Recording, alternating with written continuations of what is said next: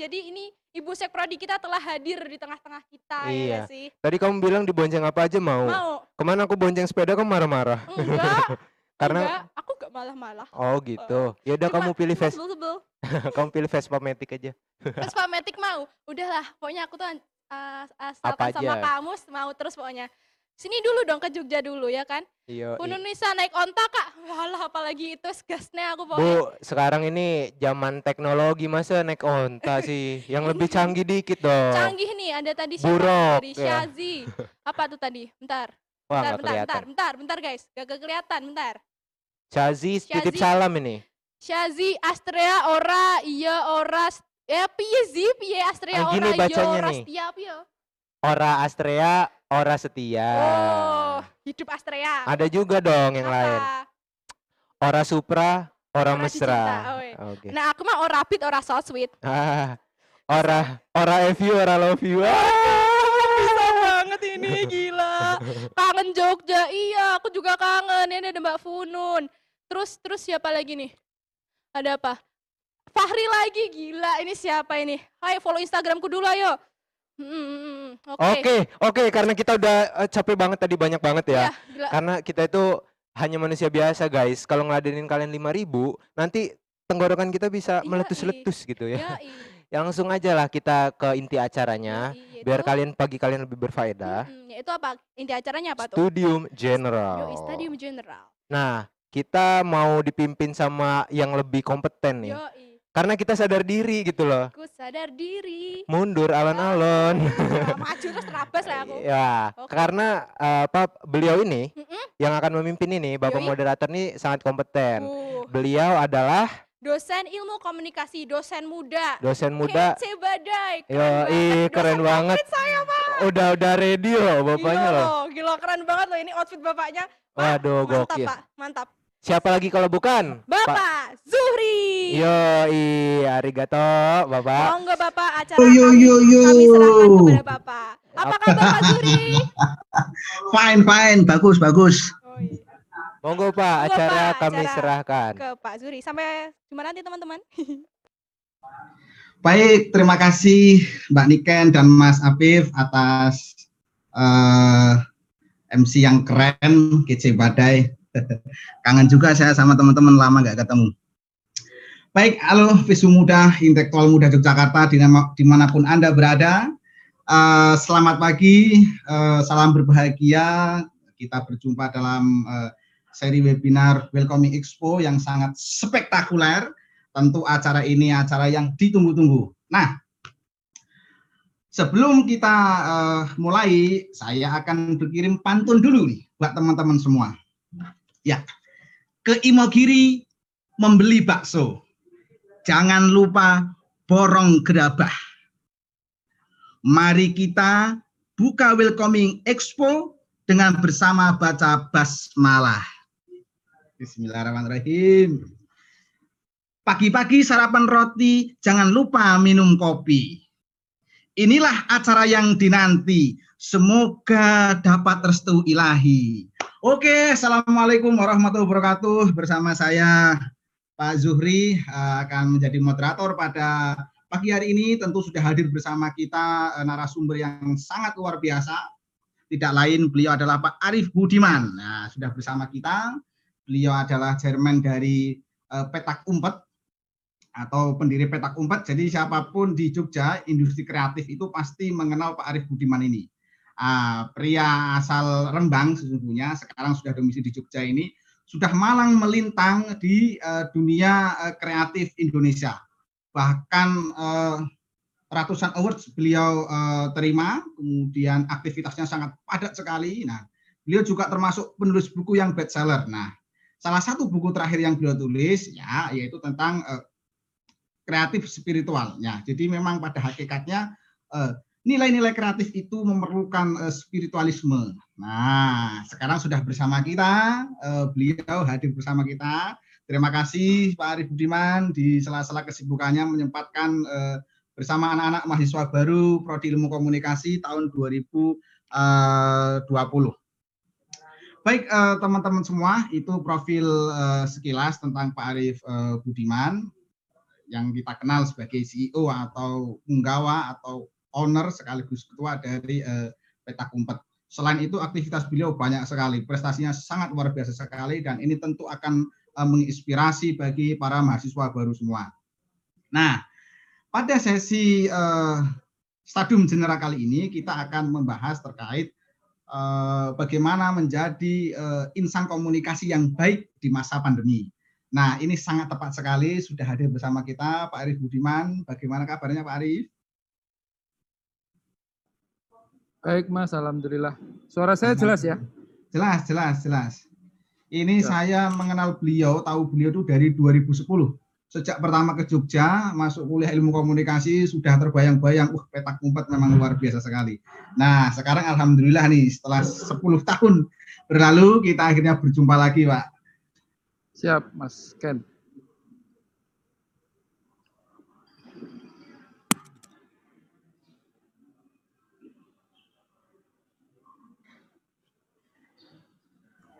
Masih di mute. Oke. Okay. Ya, baik. Uh, selanjutnya uh, waktu dan tempat kami persilahkan ke Pak Arif untuk memberikan materi sekaligus menyampaikan gagasan ide-ide segarnya terkait uh, bagaimana kita menjadi insan komunikasi yang baik uh, di masa pandemi seperti ini. Monggo Pak Arif. Oke, Mas Ken enggak mau nanya dulu sedikit. Mahasiswanya berapa ya ini webinarnya, pesertanya? Webinarnya kalau terakhir saya lihat di YouTube sekitar 250-an. Oh, 250-an luar biasa. Oh, ini di di YouTube berarti live-nya ya? Iya, live-nya di YouTube. Kita hanya okay. bertiga di sini. Oke, terima kasih. Assalamualaikum warahmatullahi wabarakatuh. Waalaikumsalam warahmatullahi wabarakatuh. Uh, Salam sejahtera untuk kawan-kawan uh, mahasiswa baru ini ya. Ya. Sama mungkin kawan-kawan yang sempat menyimak di YouTube. Ini mohon izin saya uh, menyampaikan materi ini di bandara. Uh, ya, artinya memang kita semua sudah mulai bergerak, tapi juga dengan tingkat kewaspadaan yang yang cukup. Saya kira tidak terlalu paranoid, tapi juga tidak terlalu ngawur gitu ya karena di era pandemik ini ada beberapa hal yang perlu penyesuaian. Termasuk dalam konteks ini adalah bagaimana kita berkomunikasi. Uh, mohon izin saya share screen ya. Ya. Oh, Mas, kayaknya masih di harus dibikin co-host nih supaya saya bisa share screen. Oke, tolong panitia jadikan Pak Arif co-host. Oke, sip, udah.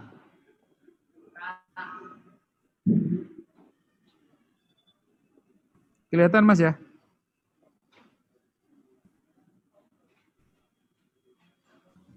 Slide saya kelihatan?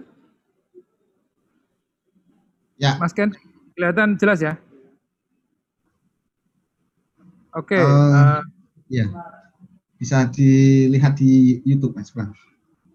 Oke, okay, siap. Uh, jadi uh, tema yang uh, akan kita bahas adalah bagaimana kita membangun kepercayaan di era ketidakpercayaan. Jadi uh, tadi sudah diperkenalkan sedikit. Saya kira jadi uh, saya sekarang menjadi ketua P3I uh, eh, Daerah Istimewa Yogyakarta ya, Persatuan Perusahaan Periklanan Indonesia. Saya juga menjadi sekjen di Indonesia Creative Cities Network, sebuah jejaring kota kreatif yang anggotanya uh, kurang lebih sekitar 220 kota kabupaten se-Indonesia jadi se-Indonesia itu ada 500 hampir 520. Jadi sepertiganya uh, sudah bergabung dalam jejaring ini dan uh, saya juga menjadi kreatif konsultan di beberapa perusahaan BUMN juga uh, beberapa kementerian. Seperti yang saya pahami dan saya yakini dan teman-teman juga saya kira uh, sepakat, kreativitas itu menjadi sesuatu yang sangat dibutuhkan di era yang tidak pasti jadi semakin nggak jelas zamannya itu orang-orang kreatif semakin diperlukan. Kalau zamannya jelas itu orang-orang yang tertib yang diperlukan. Tapi ini era di mana ketidakjelasan ini membutuhkan satu solusi dan terobosan yang baru. Uh, ini saya percepat saja ya. Nanti teman-teman akan dapat akan akan dapat materinya. Uh, ini buku yang uh, saya sudah pernah tulis. Ada ada tiga judul dan di masa pandemi ini alhamdulillah diberikan uh, kesempatan juga untuk menulis sedang menulis tiga buku Ini sedang menuju uh, finishing. Mohon doanya supaya bisa kita launching juga di tahun 2020. Ini beberapa award.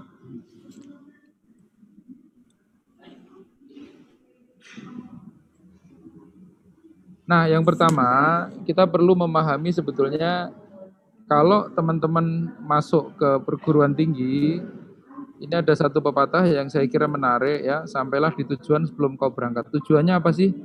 Masuk kuliah, masuk UIN itu tujuannya apa? Kalau hanya ingin wisuda, maka mendingan sewa baju wisuda sekarang, terus difoto aja, terus diupload di Instagram, udah selesai. Yang saya tahu kita tidak boleh memalsu ijazah uh, sarjana. Tapi kalau sekedar foto wisuda saya kira nggak apa-apa. Kalau memang itu tujuannya. Toh nanti kalau wisuda juga di zaman pandemi begini cuman drive thru, nggak bisa nggak bisa nongkrong mejeng lama-lama kayak di masa normal, cuman ngambil ijazah habis itu pulang udah. Iya. Itu yang mau dikejar apa enggak? Atau mau sesuatu yang lebih lebih signifikan, yang lebih luar biasa. Nah ini perlu kita kita tentukan di awal karena yang penting sekarang ya teman-teman yang sekarang sedang mulai kuliah, yang penting jadi alumni 2020 dulu deh. Melewati pandemi ini menjadi selamat, menjadi sehat, menjadi uh, tetap hidup itu lebih, lebih penting ya. Nah, uh, dengan memahami strategi komunikasi yang baik, maka tujuan yang kita canangkan ketika lulus kuliah itu nanti pengen jadi pengusaha, pengen jadi ahli komunikator terkenal, pengen ganti Najwa Sihab gitu misalnya, itu itu lebih lebih cepat kalau kita memahami strategi komunikasi. Nah, saya akan uh, um, diskusi sedikit mengenai uh, tujuan apa uh, garis finish kita di era uh, COVID ini. Yang pertama, kita menyebut ini sebagai the great reset. Jadi seluruh dunia ini di reset. Jadi ini kabar baik buat teman-teman yang tidak begitu ganteng ya, karena sekarang semua orang pakai masker itu sudah mulai level persaingan sudah mulai agak agak imbang. Buat yang nggak begitu cantik gitu ya, sekarang level persaingan sudah agak imbang. Anda bisa menghemat biaya lipstick, bisa menghemat biaya uh, apa namanya make up karena semua orang sekarang pakai masker, aman kan? Ini sebenarnya sebuah keuntungan. Nah, kita ini di Indonesia ini sekarang berada di periode yang orange sama biru muda ini, respon dan recover. Tapi karena kedisiplinan kita ini kurang kurang maksimal, kurang berjamaah, kurang tertib, eh, maka kita respon, recover, respon, recover. Respon itu maksudnya masuk UGD. Recover itu masuk eh, apa namanya rawat inap. Nah, kita ini kadang naik, kadang turun, jadi kadang lockdown dibuka, lockdown menaik, PSBB lagi gitu. Nah, moga-moga kita segera masuk ke periode renew ini ketika kita keluar dari pandemi Covid, keluar dari rumah sakit dan menghadapi kenyataan yang baru.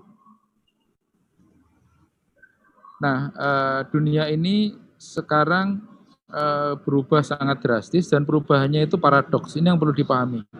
Paradoks itu apa sih? Paradoks itu siang dan malam. Jadi siang itu tidak lebih benar daripada malam, tapi dua-duanya saling melengkapi.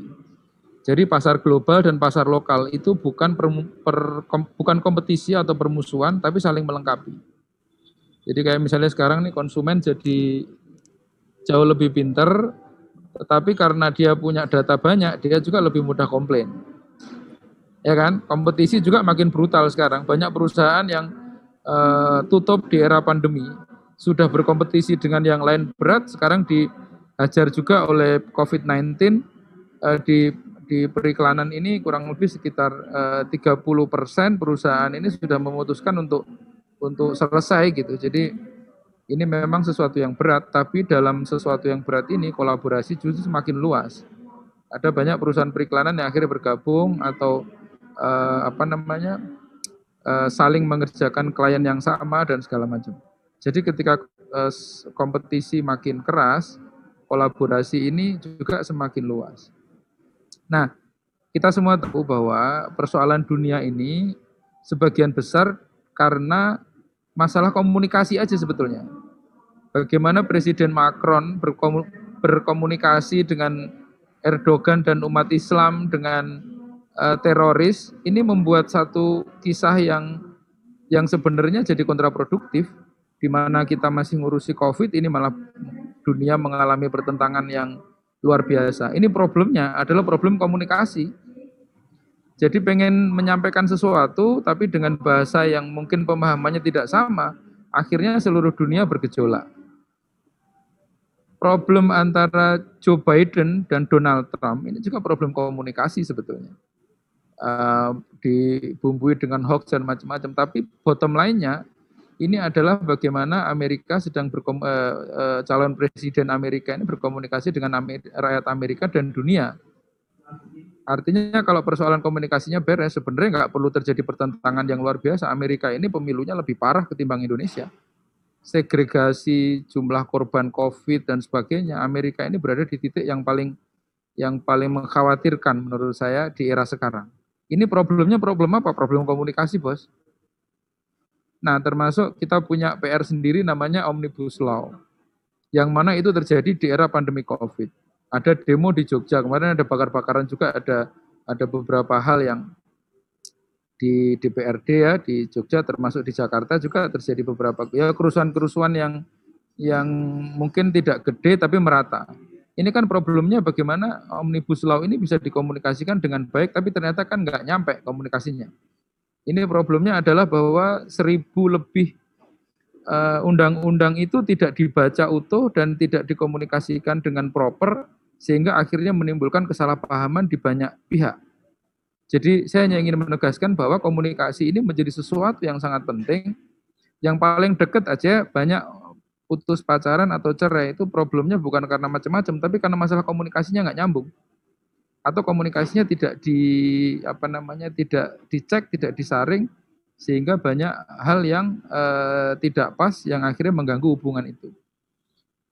Nah, COVID ini mengakselerasi perubahan-perubahan ini.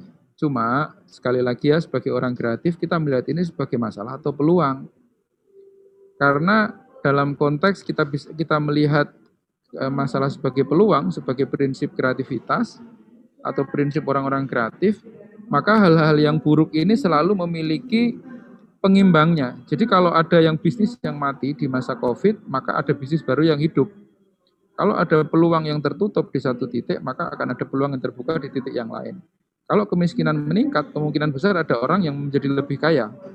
Bisnis yang tutup itu menimbulkan bisnis yang buka di tempat yang lain. Jadi hidup ini seimbang. Kalau kita hanya melihat sisi gelap, maka kita akan dapat gelap. Tapi kalau kita melihat sisi yang terang, ya nanti kita akan melihat hal yang terang. Nah, maka ketika Presiden mengatakan bahwa sekarang adalah saatnya kita membajak momentum untuk melakukan lompatan besar, jawabannya iya. Sekarang ini kesempatan terbaik Indonesia menjadi negara maju. Bukan karena ekonominya maju, tapi karena ekonomi negara yang lebih maju sedang turun lebih turun lebih besar ketimbang Indonesia. Jadi Indonesia ini sebenarnya kalau bisa stabil nggak ngapa-ngapain ini bisa jadi negara maju nih sebetulnya karena yang ranking 1, 2, 3 kalau kita kuliah ya itu sedang sakit perut semua nggak bisa ikut ujian sehingga mereka kemungkinan nggak lulus sehingga kalau yang ikut ujian ya nilainya nggak begitu tinggi bisa ranking 1 karena yang ranking 1, 2, 3 nggak ikut ujian gitu. Nah termasuk dalam konteks ekonomi kita ini juga krisisnya eh, tidak separah negara lain. Ya krisis tapi tidak seberat negara lain. Kalau kuliah mungkin nilainya eh, C plus lah, C atau C plus. Tapi yang dapat D sama E ini banyak sekali. Jadi saya melihat Windows of Opportunity kita untuk maju ini kurang lebih setahun ke depan. Saya pakai gambaran yang lebih simpel aja. Ada kalau teman-teman suka nonton F1, pandemi era pandemi COVID-19 ini adalah red flag. Jadi kalau ada tabrakan, itu akan dikibarkan bendera merah sebetulnya. Nah, dalam bendera merah ini maka urutan akan sama seperti sebelum kecelakaan. Nah, di era COVID ini bendera merah sudah dikibarkan tapi urutannya tidak dikembalikan jadi negara yang tidak rusak mesinnya, negara yang tidak begitu rusak engine-nya, maka dia akan bisa melaju karena di depannya kosong. Sekali lagi negara-negara maju ini rusak, tabrakan, e, macam-macam gitu ya. Indonesia ini ada di rombongan tengah yang kalau dia tidak ikut kecelakaan, dia sebenarnya bisa melaju dan bisa jadi negara maju nih di era 2000 e, setelah 2020. Jadi 2021 2022 ini adalah kesempatan yang terbaik untuk kita yang berada di posisi menengah ini untuk menyalip kalau kita kelamaan, kalau kita tidak segera bergerak, kalau teman-teman tidak segera mengakselerasi, maka Windows opportunity tahun ke depan ini bisa hilang dan kita kembali ke, ke posisi sebelumnya.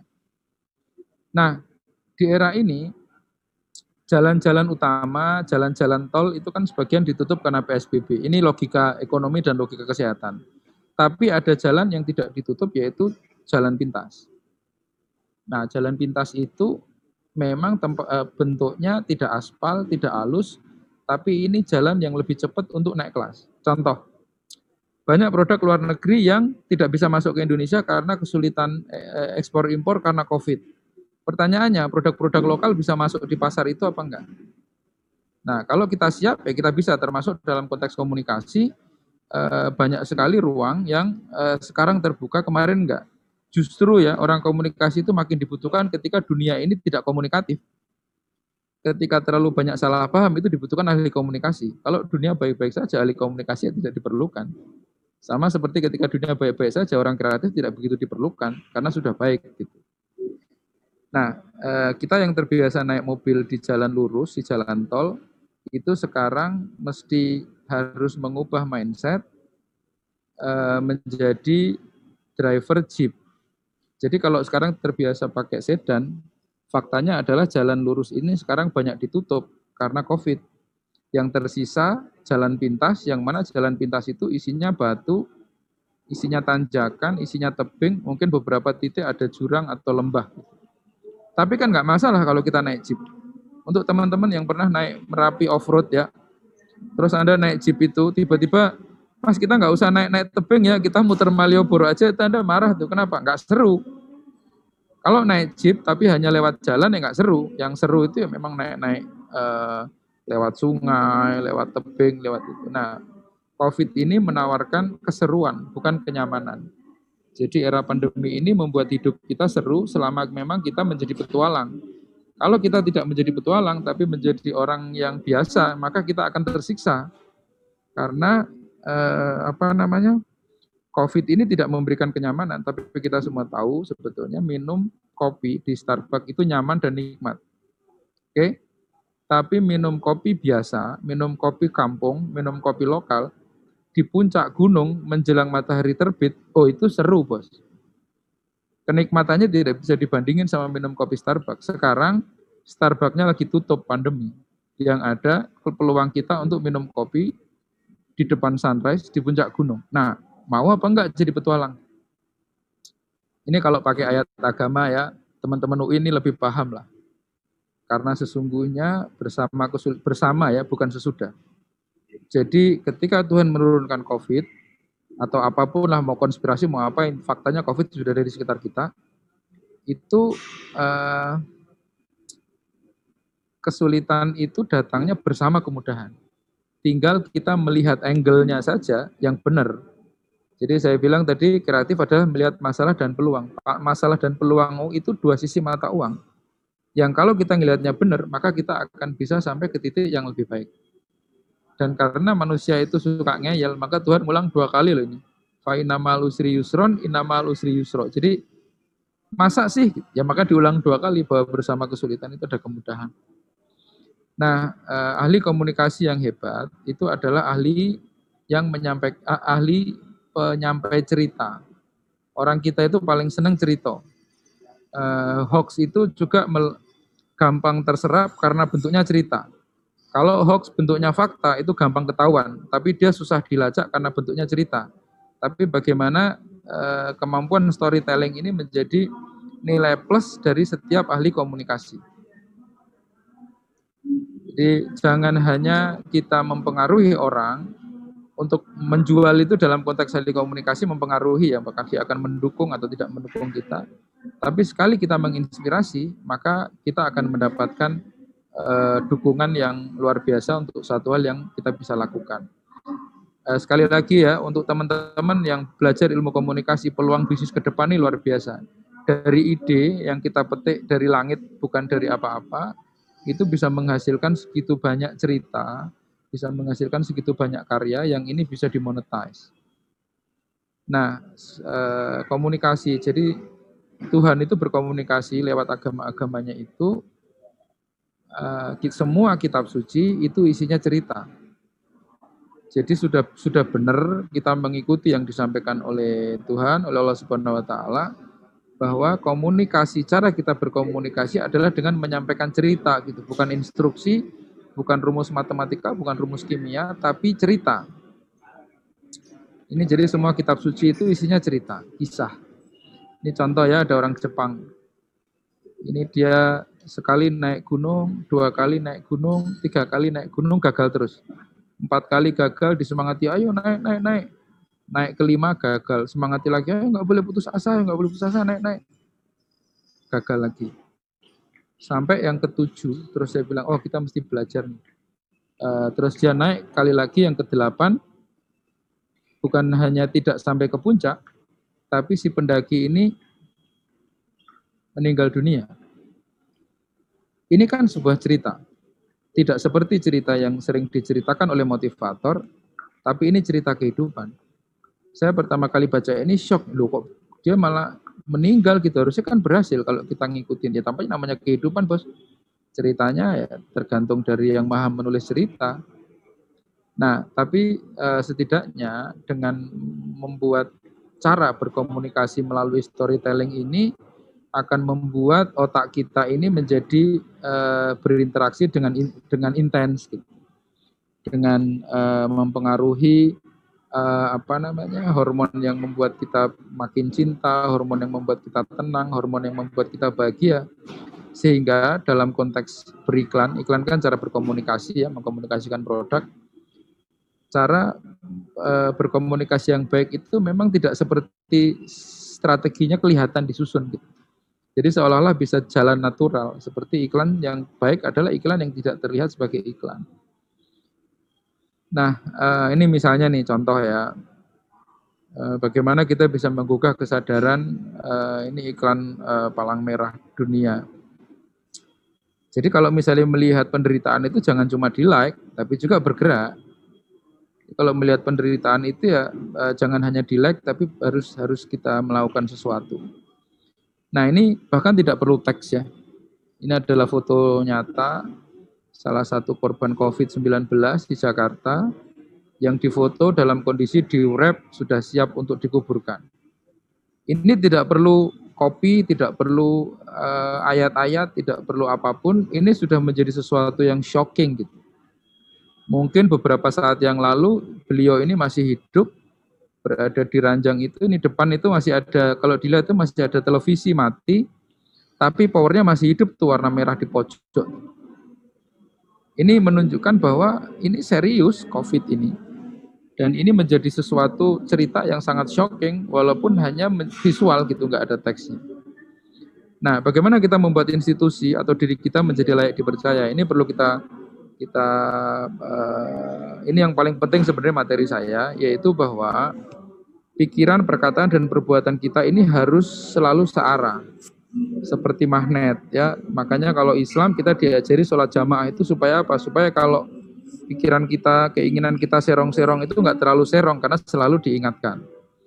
Nah, eh, kenapa kita sekarang banyak bermusuhan antar sesama bangsa Indonesia? Karena kita semua sekarang levelnya masih level besi molekul-molekulnya tidak beraturan, gampang digosok, gampang diadu domba, gampang terima hoax, karena secara jamaah kita ini belum tertib. Kalau jamaahnya benar, COVID-nya ini selesai cepat. Tapi karena kita ada yang bilang COVID, ada yang konspirasi macam-macam, itu aja sudah membuat kita tidak berjamaah. Saling berhadapan tanpa satu alasan yang jelas gitu. Nah, jadi kalau mau jadi ahli komunikasi, mulai diatur bagaimana kita bisa menjadi jujur yang pertama, yang kedua ikhlas Ikhlas itu memfokuskan apa pun upaya kita hanya kepada satu titik saja.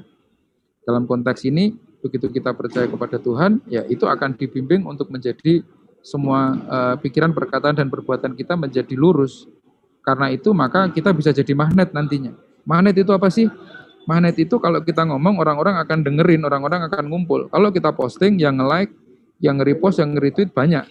Tapi kalau kita posting yang merespon tidak banyak segala macam, ya artinya mungkin kita perlu meningkatkan level uh, kebesian kita supaya menjadi magnet. Nah, contoh ya, ini persiapan kalau teman-teman mau jadi ahli komunikasi. Di masa pandemi ini, kita belajar dari pohon jati. Pohon jati itu apa sih? Pohon jati itu di masa musim kemarau, dia menggugurkan daun-daun meranggas. Untuk apa sebetulnya? Yang pertama untuk mengurangi eh, apa namanya eh, penguapan. Yang kedua sebenarnya yang tidak kita lihat akar pohon jati ini menghunjam semakin dalam di era musim kemarau karena dia mencari airnya di tempat yang jauh lebih dalam. Jadi selama masa pandemi, teman-teman ini kalau memang pendapatan berkurang, kiriman orang tua juga berkurang, cara terbaik untuk menikmati melalui pandemi ini adalah dengan belajar untuk meningkatkan kapasitas intelektual, spiritual, spiritualitas dan religiusitas kita. Bagaimana kita mengupgrade diri kita di era pandemi ini akan menjadi penting. Kenapa? Karena kalau pohon jati ini tidak menguatkan akarnya, nanti ketika musim hujan datang dia tidak akan kuat ketika daun-daun yang hijau ini tumbuh yang jumlahnya lebih banyak daripada sebelumnya. Jadi Allah ini menggugurkan daun-daun jati ini supaya batangnya bisa lebih kuat, akarnya lebih kuat supaya nanti dikasih daun jati lagi kita udah kuat. Kalau nggak meranggas, ini pasti akan nggak kuat dan dan akan cepat tumbang. Yang kedua, bagaimana kita uh, ber, berekosistem bergotong royong, yaitu bagaimana kita membangun ekosistem kepercayaan. Nah, komunikasi ini uh, aspek yang paling penting adalah trust. Kalau kita tidak percaya sama orang, maka komunikasi tidak akan terbangun Ya kan? Kalau dikasih kepercayaan ini dijaga benar-benar. Kalau enggak jempalik nanti kepercayaan orang yang kita pegang kalau kita tidak bisa mendeliver uh, promise yang kita sampaikan. Jadi jangan sampai kita kebanyakan janji uh, apa menepatinya kurang. Mendingan janjinya sedikit tapi menepatinya itu ditambahin bonus. Itu akan menjadi satu daya tarik lebih. Nah, terus yang berikutnya dalam konsep berjamaah, kita belajar dari pohon bakau pohon bakau itu pohonnya eh, batangnya tidak tidak sekuat pohon pohon mangga atau pohon jambu ya atau pohon kelapa. Tapi satu hal yang kita perlu pelajari, akar pohon bakau ini saling menjalin dengan pohon bakau yang lain sehingga saling menguatkan.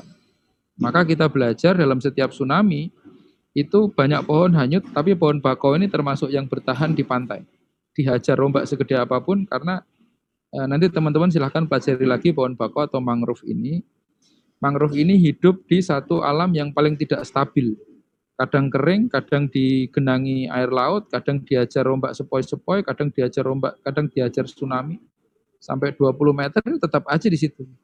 Ini sama persis seperti kondisi kita. Kalau kita tidak saling menjaga sesama kita, kalau kita tidak saling menjaga uh, sesama bangsa, eh, apa namanya saling menguatkan antara teman, antara pengusaha, antar dosen, ya kita nanti akan hanyut juga diajar sama tsunami eh, COVID-19 ini. Nah, dalam konteks ekosistem, ini namanya eh, quadrohelix ekosistem, yaitu terdiri dari dunia akademis, komunitas, pengusaha, dan pemerintah. Nah, sekarang ini agak repot ini kerjasamanya, karena tingkat kepercayaan yang rendah, kolaborasinya jarang terjadi. Masing-masing punya angle sendiri. Nah ini PR kita sebenarnya di masa COVID, bagaimana kita bisa saling me berhubungan, saling percaya kepada setiap institusi ini.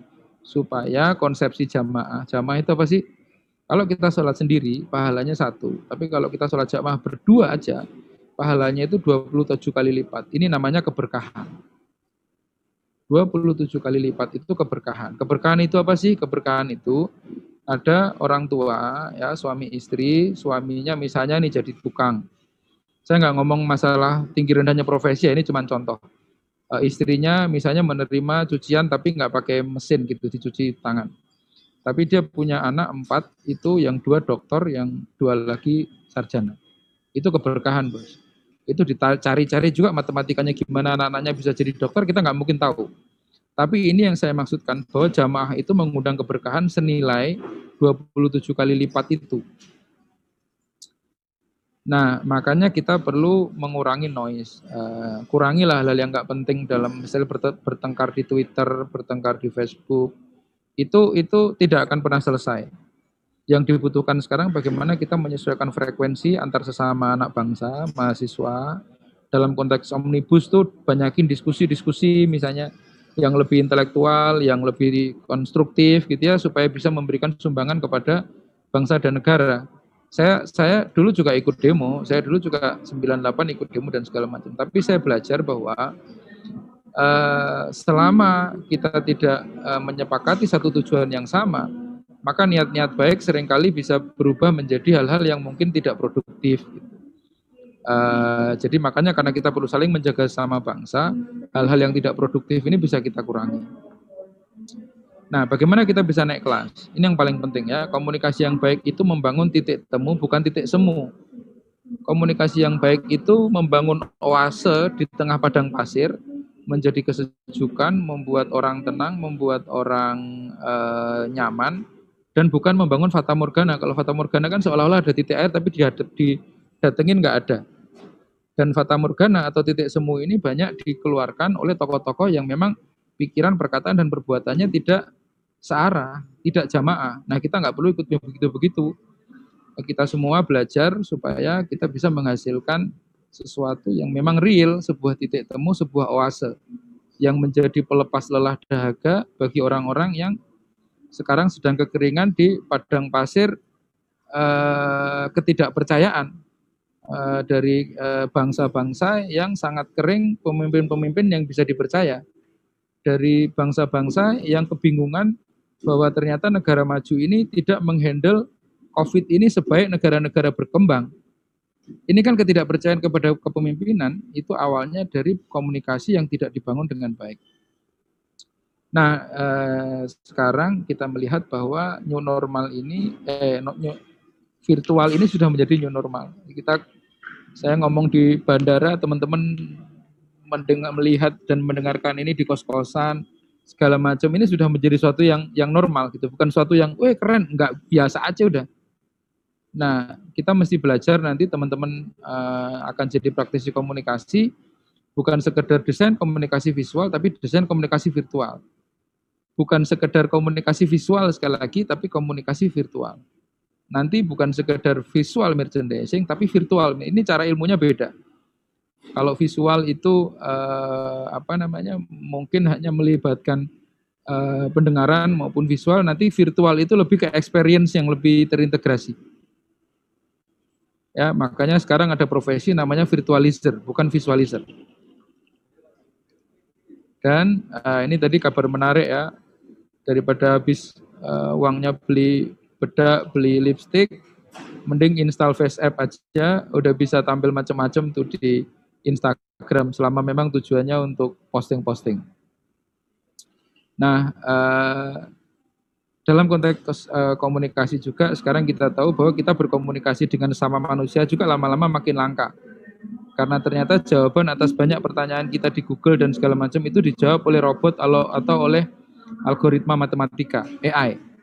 Jadi dua dari tiga orang tidak tidak mengetahui bahwa sebenarnya ketika dia order di Tokopedia, order di Traveloka, nanya komplain dan segala macam itu yang jawab mesin. Nah, termasuk juga bagaimana kita bisa menggunakan video lebih banyak dalam konteks berkomunikasi. Kemarin-kemarin namanya press conference, press release, mungkin dibaca orang sekarang nggak lagi. Kalau mau bikin press conference, mending gawe vlog way, lebih efektif. Nah, sampai kita dari mulai merencanakan, terus uh, meraih audiens, uh, audiens melakukan sesuatu sehingga akhirnya menjadi engagement. Uh, digital komunikasi ini menjadi sangat penting untuk teman-teman sekalian pelajari lebih detail lagi karena ini satu jalan yang terbuka dan tidak bisa kembali lagi. Ya, ini kita nggak mungkin balik ke zaman sebelum COVID percaya mas ya. Ini jalan lurus yang sudah terbuka, yang sekali anda masuk ke situ kayak film Matrix itu nggak bisa balik. Kalau anda tahu betapa mudah dan entengnya berkomunikasi lewat lewat video call atau Zoom, maka menempuh perjalanan berhari-hari untuk membuat satu seminar offline itu akan sangat melelahkan sebetulnya secara fisik uh, dan menghabiskan mungkin waktu yang banyak. Tapi sekali lagi saya mengingatkan kita tidak bisa komunikasi tidak bisa membungkus karakter produk uh, atau niat buruk. Komunikasi hanya bisa menyampaikan hal-hal yang memang seperti adanya. Jadi kecanggihan komunikasi tidak bisa menutupi kebohongan. Komunikasi makin solid kalau pondasinya adalah kejujuran. Itu adalah mata uang yang akan berlaku di zaman apa pun termasuk di zaman e, nanti setelah beyond digital gitu. Jadi eh, di era di tengah hoax yang begitu eh, banyak tsunami kebohongan ini, kejujuran justru menjadi sesuatu yang sangat berharga dan mereka yang masih memiliki kejujuran akan dihormati sebagai eh, apa namanya sumber-sumber yang terpercaya. Jadi saya kira itu teman-teman sekalian eh, apa namanya yang perlu kita lakukan selalu adalah bekerja sebaik-baiknya, semampu-mampu kita, berikhtiar semaksimal mungkin, karena itu nilai ibadahnya. Bekerja itu tidak ada urusannya dengan rezeki yang kita dapatkan, karena rezeki itu sudah ditentukan oleh Allah sejak sebelum kita lahir. Tapi bekerja itu adalah beribadah, dan beribadah itu yang dikejar adalah keberkahan. Keberkahan adalah sesuatu yang tidak bisa dimatematika, seperti saya cerita, orang tua yang tidak punya apa-apa bisa punya anak dokter, eh, bisa punya anak profesor dan berkali-kali naik haji. Itu keberkahan. Kita kejar yang begitu-begitu. Dan eh, katakanlah hal-hal yang baik. Dua hal ini saja kita lakukan, maka negeri kita insya Allah akan jadi lebih baik. Akan menjadi rahmatanil alamin, menjadi contoh bagi dunia bahwa bangsa kita adalah bangsa yang unggul. Terima kasih. Assalamualaikum warahmatullahi wabarakatuh. Waalaikumsalam warahmatullahi wabarakatuh. Ke Semarang bersama kekasih. Tidak lupa mampir di Tugu Muda. Pak Arif Rahman, Pak Arif Budiman, kami ucapkan terima kasih atas paparan yang luar biasa. Kos Pak Arif Budiman. Terima kasih, makasih. Baik eh, teman-teman semua, tadi sudah disampaikan eh, sangat inspiratif sekali. Pagi ini kita mendapatkan nutrisi yang sangat luar biasa bagi uh, hati kita, bagi otak kita, bagi pemikiran kita. Tentu tadi yang disampaikan uh, sebagai pembuka uh, sangat filosofis dan sangat menarik untuk teman-teman renungkan semua, ya kan? Sampailah di tujuan sebelum engkau berangkat. Mohon itu benar-benar kalian uh, cermati, resapi, renungkan bagaimana teman-teman sebagai mahasiswa baru prodi ilmu komunikasi harus benar-benar memiliki uh, tujuan yang jelas kira-kira nanti seperti apa dan strateginya seperti apa. Nah, uh, Pak Arief, uh, nampaknya ini sudah ada penanya. Kita buka pertanyaan, terus sudah ada penanya uh, pada sesi diskusi kita. Yang pertama dari Kamelia Dwi Angelina, mahasiswa ilmu komunikasi kelas A. Bertanya nih Pak, kira-kira nih bagaimana cara membedakan beropini atau pendapat dengan menjudge sesuatu itu gimana ya? Hmm. Kadang ada yang menjudge tapi mereka itu bersembunyi di balik. Kan opini tiap orang-orang berbeda-beda. Seharusnya ya. kan open minded dong. Nah, ya. dan menghadapinya bagaimana? Kadang saya cuek tapi sebenarnya kesal. Ini dari ya. Mbak Kamelia. Oke. Okay. Uh, Ya, Mas, uh, nanti saya akan jawab sampai 9.30 ya. Mohon izin uh, ya. itu waktu boarding. Oke, saya jawab ya, uh, Mbak Kamelia. Jadi yang pertama, memang di dunia digital ini harus lebih banyak sabar. Kalau nggak banyak sabarnya, kita nanti akan nambah banyak musuh. Kita ini kan kadang-kadang merepotkan diri sendiri itu gini. Kalau kita bikin uh, apa status di Facebook, kalau nggak ada yang komen, kita ngedumel. Ini orang-orang kok nggak ada yang komen sih, uh, males bener gitu. Tapi kalau nanti ada yang komen tapi tidak seperti yang kita inginkan, kita juga marah gitu. Nah terus ngapain? Maksud saya eh, yang selalu disampaikan oleh Rasulullah adalah berkatalah yang baik atau diam. Jadi kalau uh, memang apa namanya kita bisa membuat yang kita sampaikan ini membuat kondisi lebih baik lakukan. Tapi kalau enggak, ya mending nggak usah posting, nggak usah nggak usah komen yang nggak perlu gitu. Karena kalau dalam prinsip saya begini, kita hanya bertanggung jawab pada apa yang kita lakukan. Hukum hukum baik benar berdosa atau berpahala itu kan yang kita lakukan. Tapi kita tidak bertanggung jawab terhadap apa yang disampaikan orang lain terhadap kita. Kita tidak bertanggung jawab pada opini yang disampaikan orang lain terhadap kita. Ben wae, masih uh, misalnya gini, misalnya contoh ya ini sederhana. Mas Arif katanya sukses, ke mana-mana naik motor. Mana suksesnya di sebelah mana? Gitu kan kadang orang nanya begitu. Saya jawab begini, loh sukses itu ya terserah yang menikmati. Sekarang saya nanya, orang sukses kayak Valentino Rossi aja itu masih mau lo naik motor, saya bilang. Lah kan nggak ada masalah gitu. Masih mau naik motor, mau jalan kaki dan semakin orang dan dalam pengertian sukses pengertian saya itu adalah bagaimana kita bisa memberikan kemanfaatan kepada orang lain. Jadi Saya nggak peduli kalau pengertian sukses saya beda sama orang lain, nggak apa-apa. Saya mau dituduh, mau ini apa segala macam ya nggak apa-apa. Tapi apa yang kita tabur itu yang kita tuai. Kalau kita sering menuduh orang, maka itu akan kembali ke kita sendiri gitu aja. Sesimpel itu, selama kita diberikan kesempatan menanam, ya saya juga mengusahakan, kita semua moga-moga juga mengusahakan menanam yang baik-baik. Kenapa? Ya karena yang menuai juga kita. Kalau kita kalau yang menuai kita, kenapa kita mesti menanam yang buruk-buruk? Kan rugi sendiri. Itu kira-kira Mas ya. Thank you. Baik, Satu lagi uh, mungkin masih. Ini ada satu lagi pertanyaan, wah ternyata juga diikuti oleh mahasiswa prodi psikologi ini Pak Arif. Nah, thank you, thank you. Ini uh, dia mengutip uh, pendapat Prof. Andi Hamzah. Ujaran kebencian tidak termasuk ke dalam Undang-Undang ITE. Nah, Hmm. beliau mengatakan bahwa UTE adalah undang-undang administrasi, bukan undang-undang pidana. Di lapangan banyak terjadi orang yang menggunakan freedom of speech untuk mengkritik dan mengkritisi kebijakan pemerintah, malah dipenjara dengan perkara ujaran kebencian. Nah, Ya. padahal kata Prof. Andi Hamzah, ujaran kebencian diatur dalam KUHP dan terkesan regulasi double dan tidak merealisasikan tujuan undang-undang ITE. Bagaimana tanggapan eh, Pak Arif Budiman kira-kira? Ya, ini saya, saya bukan ahli hukum ya satu, Eh, karena itu memang harus kalau memang harus diperdebatkan itu di LC mungkin cocok ya ahli hukum diundang atau melakukan uji undang-undang ke Mahkamah Konstitusi. Tapi eh, saya eh, hanya bisa menyampaikan begini.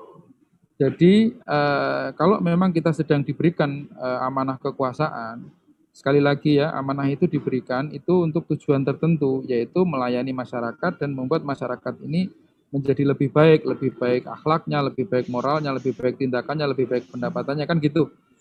Ya. Tapi kan kita juga menyadari bahwa manusia ini juga tempatnya salah dan lupa dan hilaf dan kadang-kadang sengaja gitu. Jadi saya ini punya punya pemahaman ya sampai zaman menjelang kiamat juga orang jahat pasti ada. Tuhan sudah sudah me- merencanakan begitu kalau enggak seharusnya sejak sejak zaman Rasulullah ini orang-orang kafir, orang-orang jahat ini harusnya sudah enggak ada. Tapi sama Rasulullah ini disisakan untuk kita. Disisain sedikit yang kafir, disisain sedikit yang sombong, disisain sedikit yang misalnya kayak kejadian yang Presiden Macron, kejadian yang Donald Trump Ya. kan Tuhan juga mem- me- memberikan dunia ini seorang Donald Trump buat apa sebetulnya? Nah, buat apa ini? Jawaban saya adalah ini sebenarnya ladang amal kita semua.